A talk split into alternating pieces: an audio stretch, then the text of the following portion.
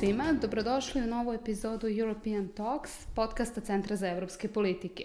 CEP je nezavisna, nevladina, neprofitna istraživačka organizacija sa sedištem u Beogradu, a naš podcast se bavi raznim temama koji su od značaja za Srbiju i za region, njihovu evropsku perspektivu i izazove sa kojima se na tom putu suočavaju.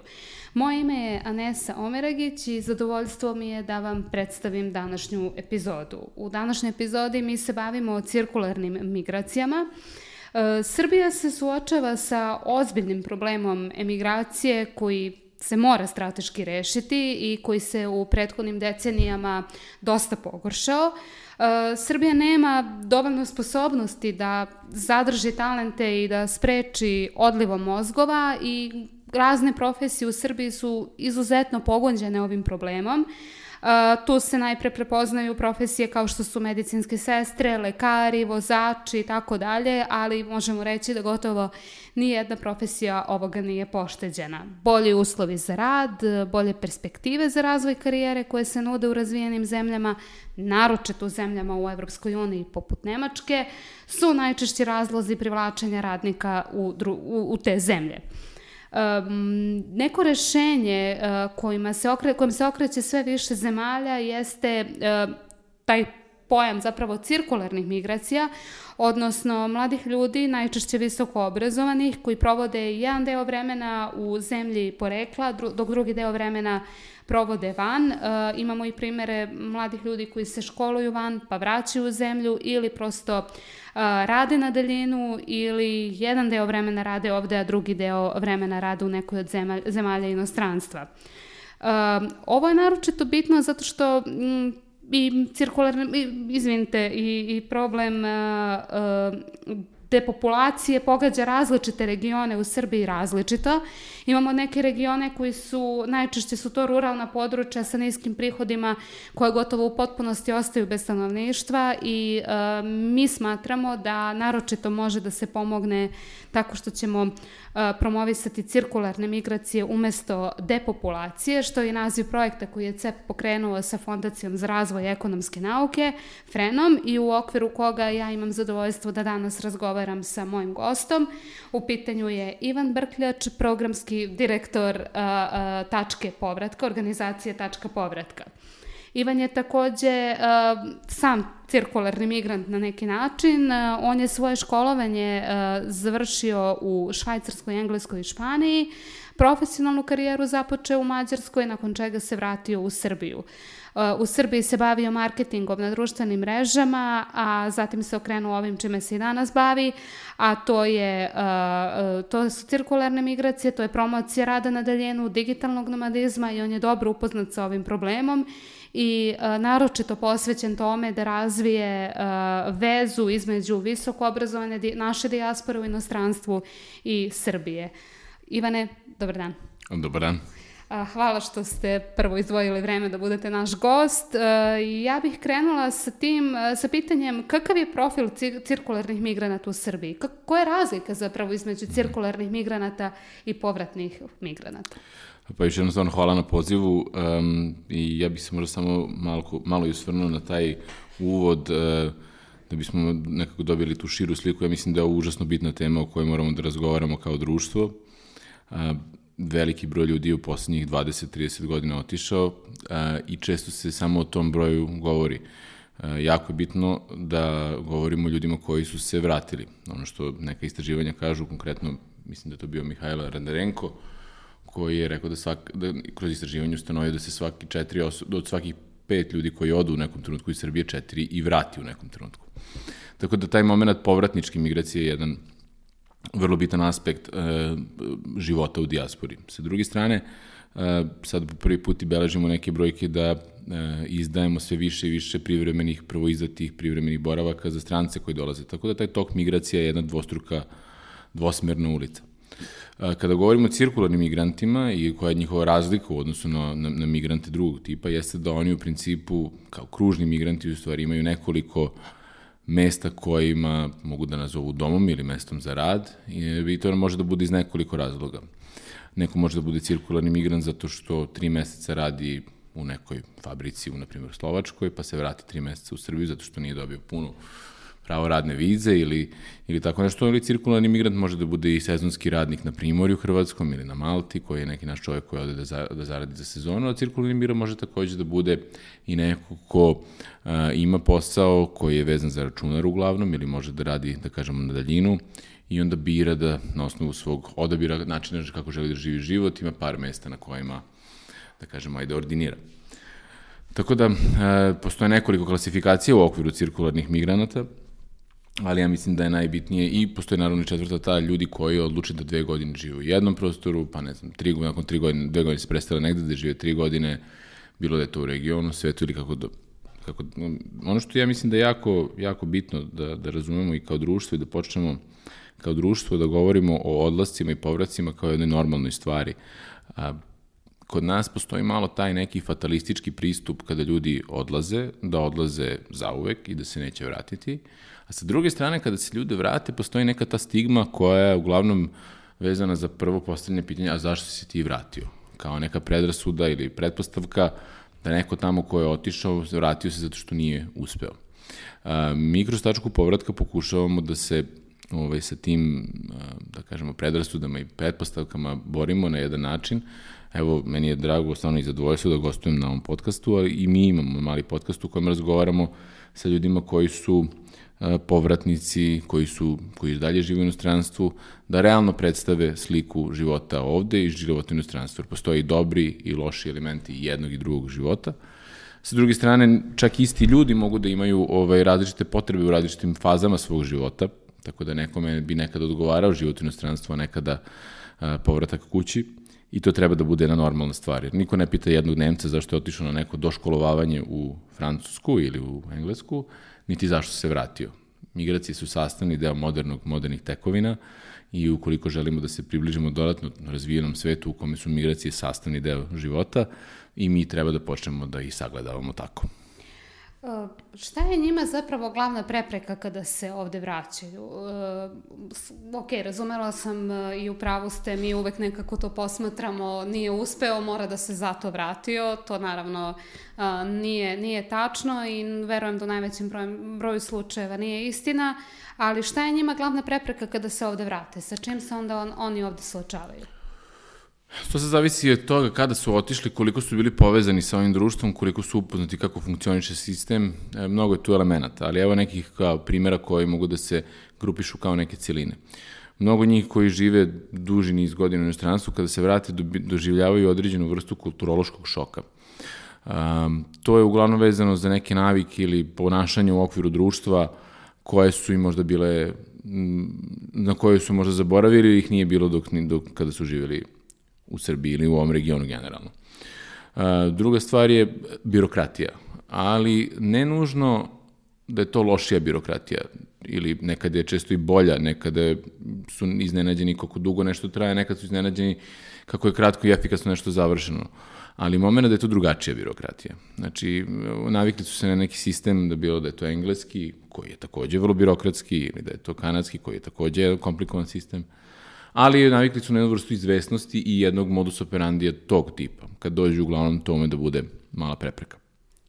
Um, I problemi prilikom, ili prepreke prilikom povratka su svakojake, evo ja mogu da vam kažem i iz naše komunikacije, što su neka pitanja koje oni nama postavljaju. Bilo da je rešavanje svog poreskog statusa. Naprimjer, neko odluči da se vrati iz Kanade, želi da nastavi za kompaniju, da radi za kompaniju za koju je radio, radila do tada, e, I onda se postaje pitanje kako ta osoba plaća porez, gde plaća porez, u Kanadi, u Srbiji, da li postoji sporazum o izbjegavanju dvostrukog oporezivanja između dve zemlje, koje su prava i obaveze jednog građana tog tipa, ukoliko se vraćaju sa porodicama, a partneri ili partner, partnerke su strani državljani, šta to znači konkretno za njihovo zdravstveno osiguranje kako desu da upišu u školu.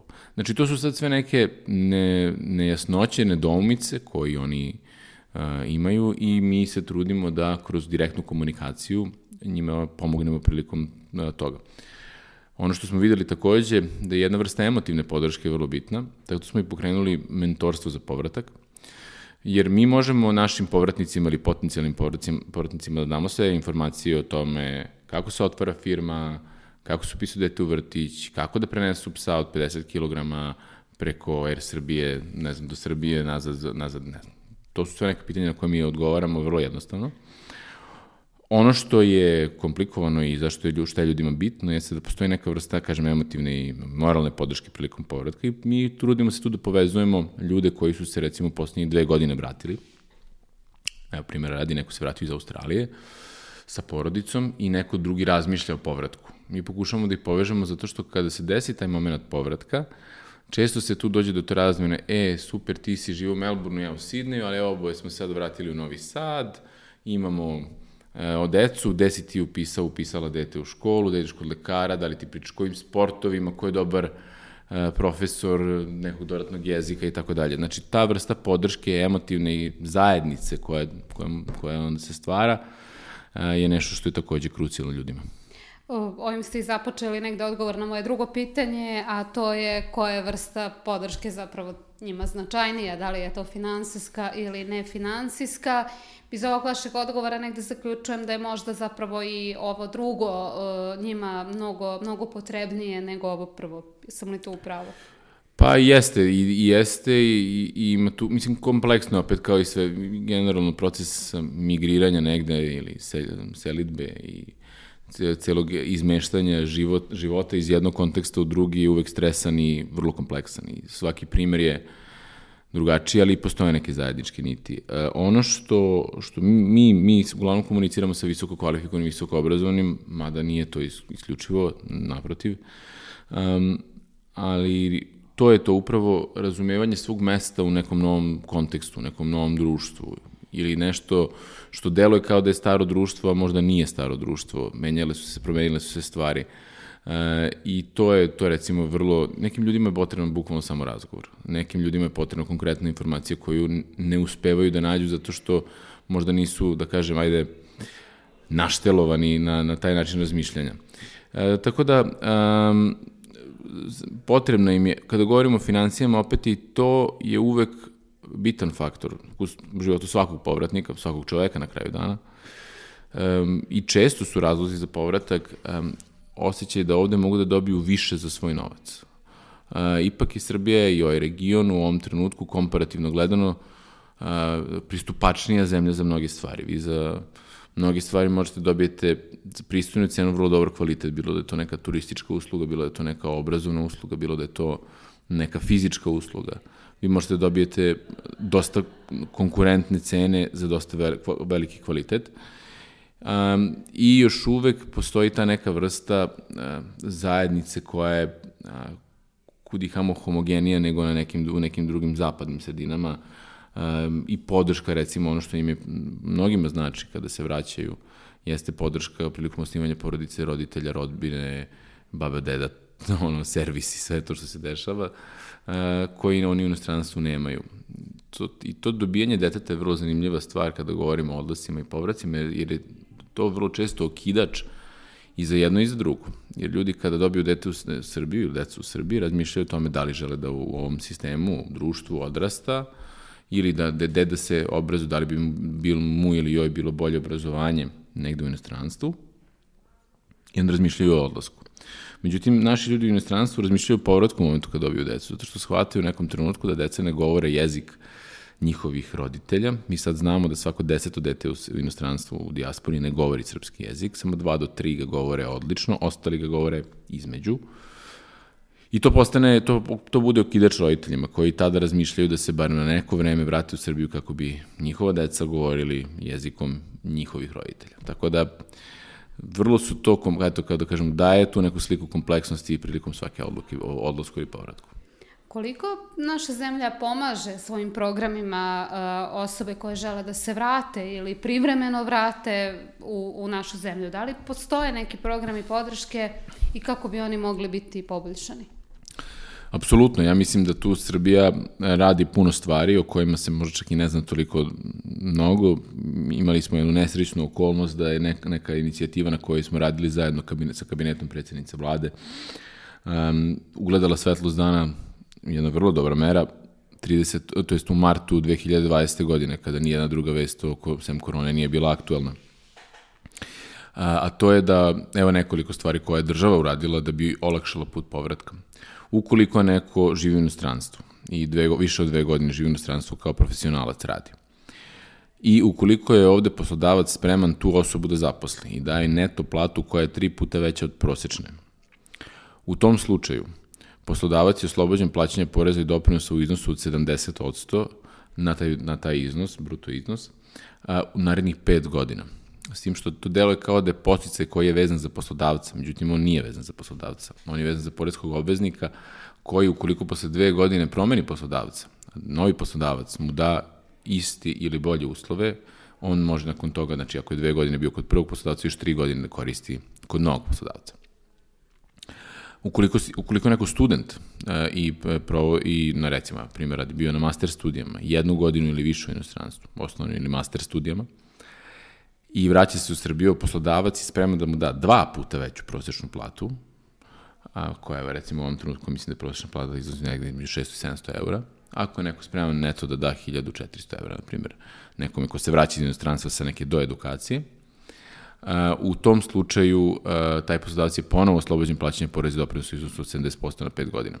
To je recimo druga mera. Treća stvar je, mi smo shvatili u direktnoj komunikaciji sa ljudima da postoji, da su pre dve, tri godine postojale carinske dažbine prilikom povratka u Srbiju. Svako ima pravo da unese 5000 evra pokretne imovine, sve preko toga bi se praktično carinilo. I sad, kada je neko živeo 25 godina, na primjer, u Sjedinim američkim državama, vrlo precizno bi bilo pretpostaviti da je akumulirao nešto više bogatstva za 25 godina nego 5000 eura.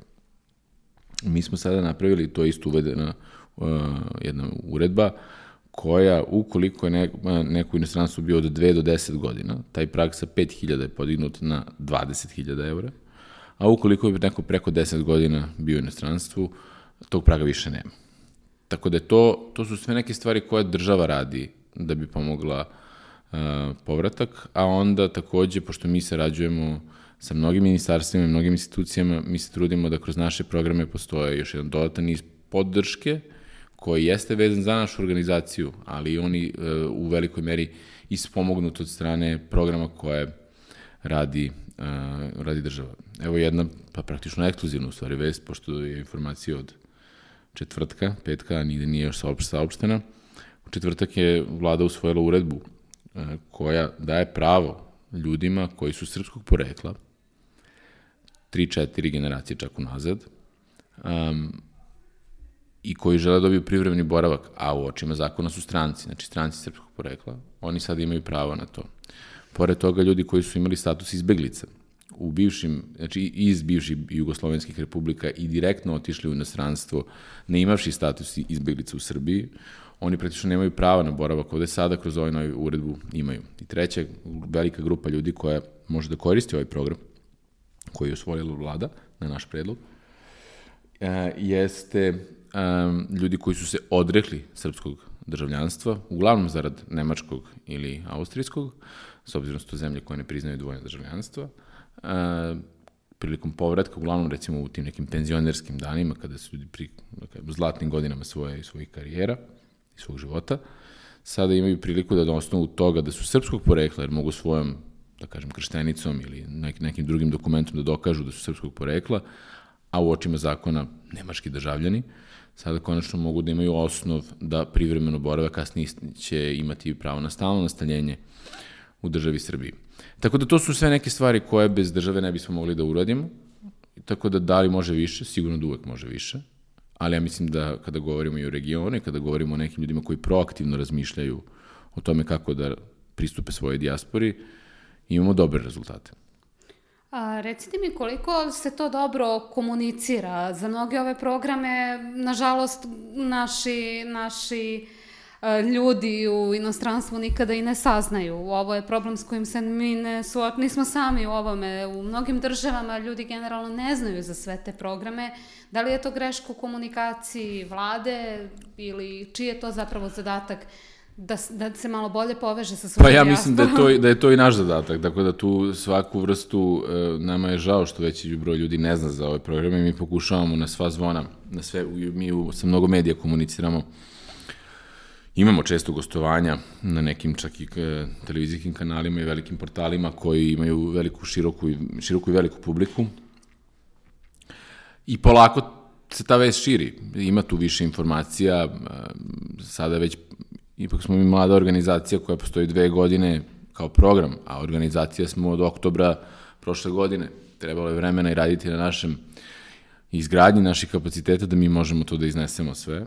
Ovaj, I da li, da li se dovoljno zna? Apsolutno ne. Da li bismo mi volili da je drugačije, da li mi možda nešto ne radimo najbolje što možemo, verovatno da ima i toga, ali stvarno se trudimo da relevantnim ljudima objasnimo šta su mogućnosti i mogu da kažem, ide nam dobro za sada, da li bi to moglo bolje, naravno, ali 8000 ljudi, mislim, tačka povratka u posljednjih dve godine komunicirala direktno sa 8000 ljudi, što nije mali broj ljudi za tim od četvoro, malo vajde, prošireni tim, ali svakako je mnogim ljudima su to i čak promenene sudbine i životi. Mi smo uspeli da organizujemo 300 razgovora za posao, što u privatnom sektoru, što u državnom sektoru.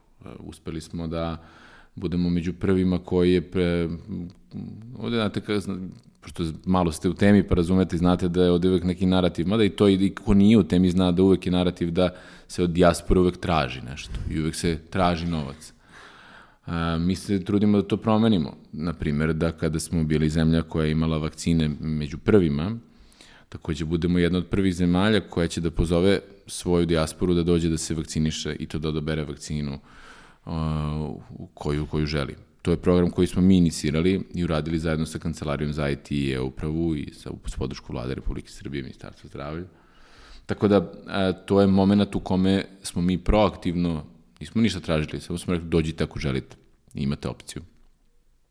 Takve stvari postepeno grade poverenje. Ono što je najveći problem organizacije poput naših, naše, to jest, jeste što mi ni ne počinjemo od nule, iako počinjemo kao mlada, smo počeli kao mlada organizacija.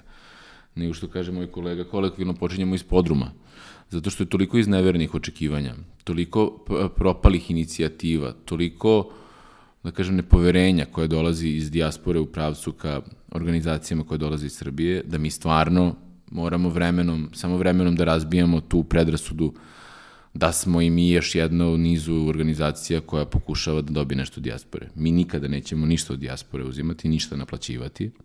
Ideja je tačke povratka da bude servis ljudima u inostranstvu bez ikakve naknade, a da mi onda, da je naš posao da lobiramo ovde u našem društvu da prokušamo da objasnimo stakeholderima, bilo da je to Privredna komora Srbija, neki strani partneri, bilo da je vlada Republike Srbije, koliko je ovo bitna tema, koliko je ovo bitno za naše ljudi u inostranstvu i da mi tu crpimo našu podršku, a da teret nikad ne bude na našim ljudima u inostranstvu. Za one koji nisu upoznati, šta jedan cirkularni migrant koji dođe u tačku povratka može od tačke povratka da očekuje? Kakva je to mm. vrsta podrške? Uh, usluga pomoći koju vi pružate cirkularnim migrantima?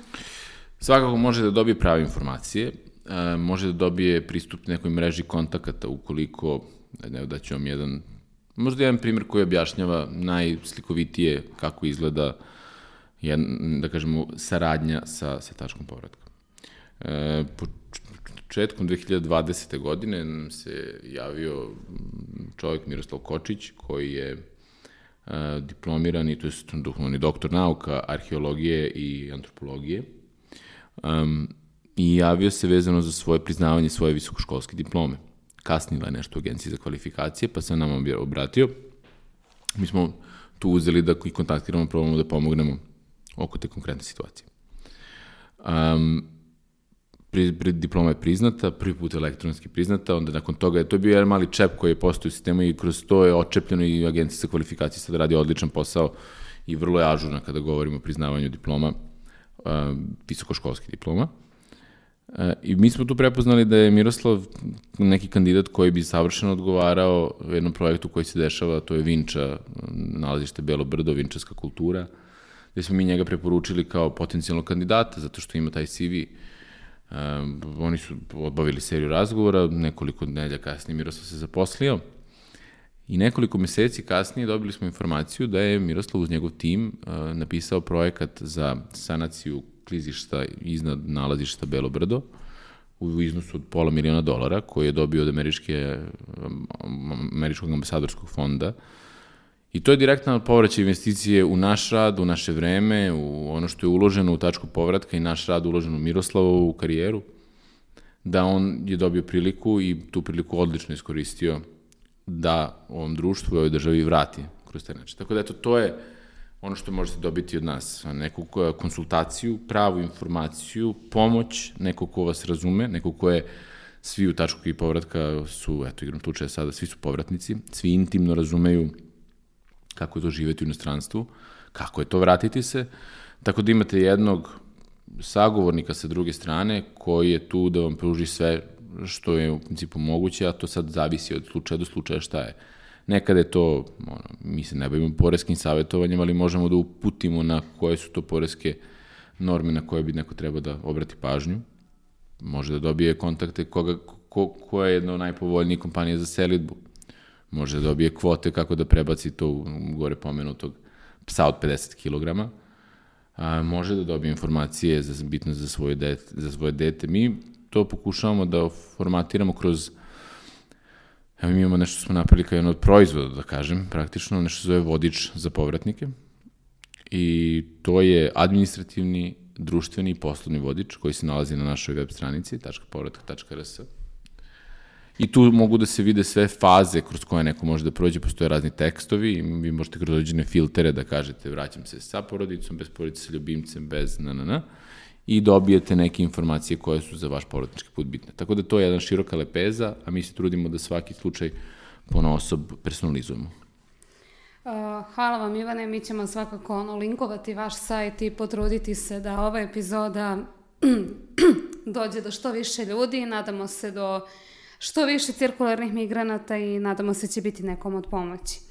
Za kraj bih voljela da vas pitam samo imate li vi nešto još da, da dodate, možda neke trenutne programe, projekte, pomenuli ste jednu mm. eksplozivnu vest, još nešto na čemu radite, prosto mm. nešto, nešto za sam kraj ove epizode. Pa evo, super je primjer jedna inicijativa koju, koju smo počeli početkom juna. Nama su se ljudi iz inostranstva javili često sa pitanjem zašto ne mogu da kupe nepokretnost u Srbiji e, preko kredita, zato što njihove banke u Nemačkoj ili Austriji ili bilo kojoj drugoj zemlji gde se nalaze, uglavnom ne žele da izdaju stambene kredite za nekretnine koje se ne nalaze u zemlji gde one operišu. S druge strane, srpske banke nisu želele da prihvataju ljude koji su poreski nerezidenti, zato što ne mogu da im recimo stave administrativnu zabranu na, na platu ili povećan im je rizik za, kupo, za, za kup, davanje kredita. U sradnji sa bankom Poštanske štedionice, mi smo od juna počeli jedan program koji sada vrlo dobre rezultate pokazuje, interesovanje je veliko, um, da ljudi iz inostranstva koji su poreski nerezidenti zapravo mogu da dobiju stambeni kredit za kupovinu nekretnine uh, u Srbiji. I to je po prvi put praktično da postoji. Postojali su neki pokušaj, broj kredita koji je odobren u proslednjim godinama, kako sam čuo kolegi iz Narodne banke Srbije, na, može se nabrojati na prst jedne ruke. Tako da je ovo jedan streamlinovani e, pristup e, banci koja postoje preko 100 godina, koja je jedna ozbiljna institucija koja može da omogući ovu vrstu finansiranja za naše ljude. Tako da je to jedna od stvari koja, eto, mi se ponosimo i pokušavamo da promovišemo, da objašnjamo ljudima da je da sada postoji ta mogućnost. I uslovi su praktično isti kao u Srbiji, samo što postoji malo povećano učešće u odnosu na, na kredite koji se izdaju lokalnom građanstvu zbog povećanog rizika, ali to je opet, kako kažem, ako niste imali 100%, sad imate učešće od 30%, to je velika stvar. Um, A drugo, mislim da je ovo jako bitno da se ovi razgovori vode i jako je bitno um, ne praviti paralelne strukture um, i paralelne programe, nego pokušati da, da se to jedno veliko, nazovimo ga tržište, um, segmentira i da se svi ljudi koji, mislim, organizacije koje se bave cirkularnom migracijom, migracijom kao takvom, razumeju i da pokrivaju kudi kamo različite delove da bi došlo do sinergijskog pristupa, a ne građenje paralelnih struktura koje možda zbuni naše, naše ljudi u inostranstvu. I na tome se radi, ja mislim da Giz na tome vrlo lepo radi, da pokušava da okupi sve stakeholdere u ovom ovaj, polju. Evo, baš bio neki sastanak prošle nedelje da sam ja pomenuo i da je CEP uh, i, i Friend uključen u ovaj, da se uključio, da kažem, u ovaj, u ovu industriju ili ovo tržište. Tako da verujem da ćete dobiti i vi poziv u nekom narednom trenutku da sednemo svi za ovaj neki okrugli sto i razgovaramo o tome kako zajedno možemo da pristupimo ovim problemima i zajedno da radimo na projektima, mesto toga da radimo paralelne, paralelne stvari. Kao što i naziv vaše organizacije kaže, tačka povratka, bitno je i za cirkularne migrante da imaju jednu tačku na koju će se referisati. Hvala vam puno. Hvala vam. Ovo je bio podcast Centra za evropske politike, European Talks. Do sledeće epizode. Uživajte.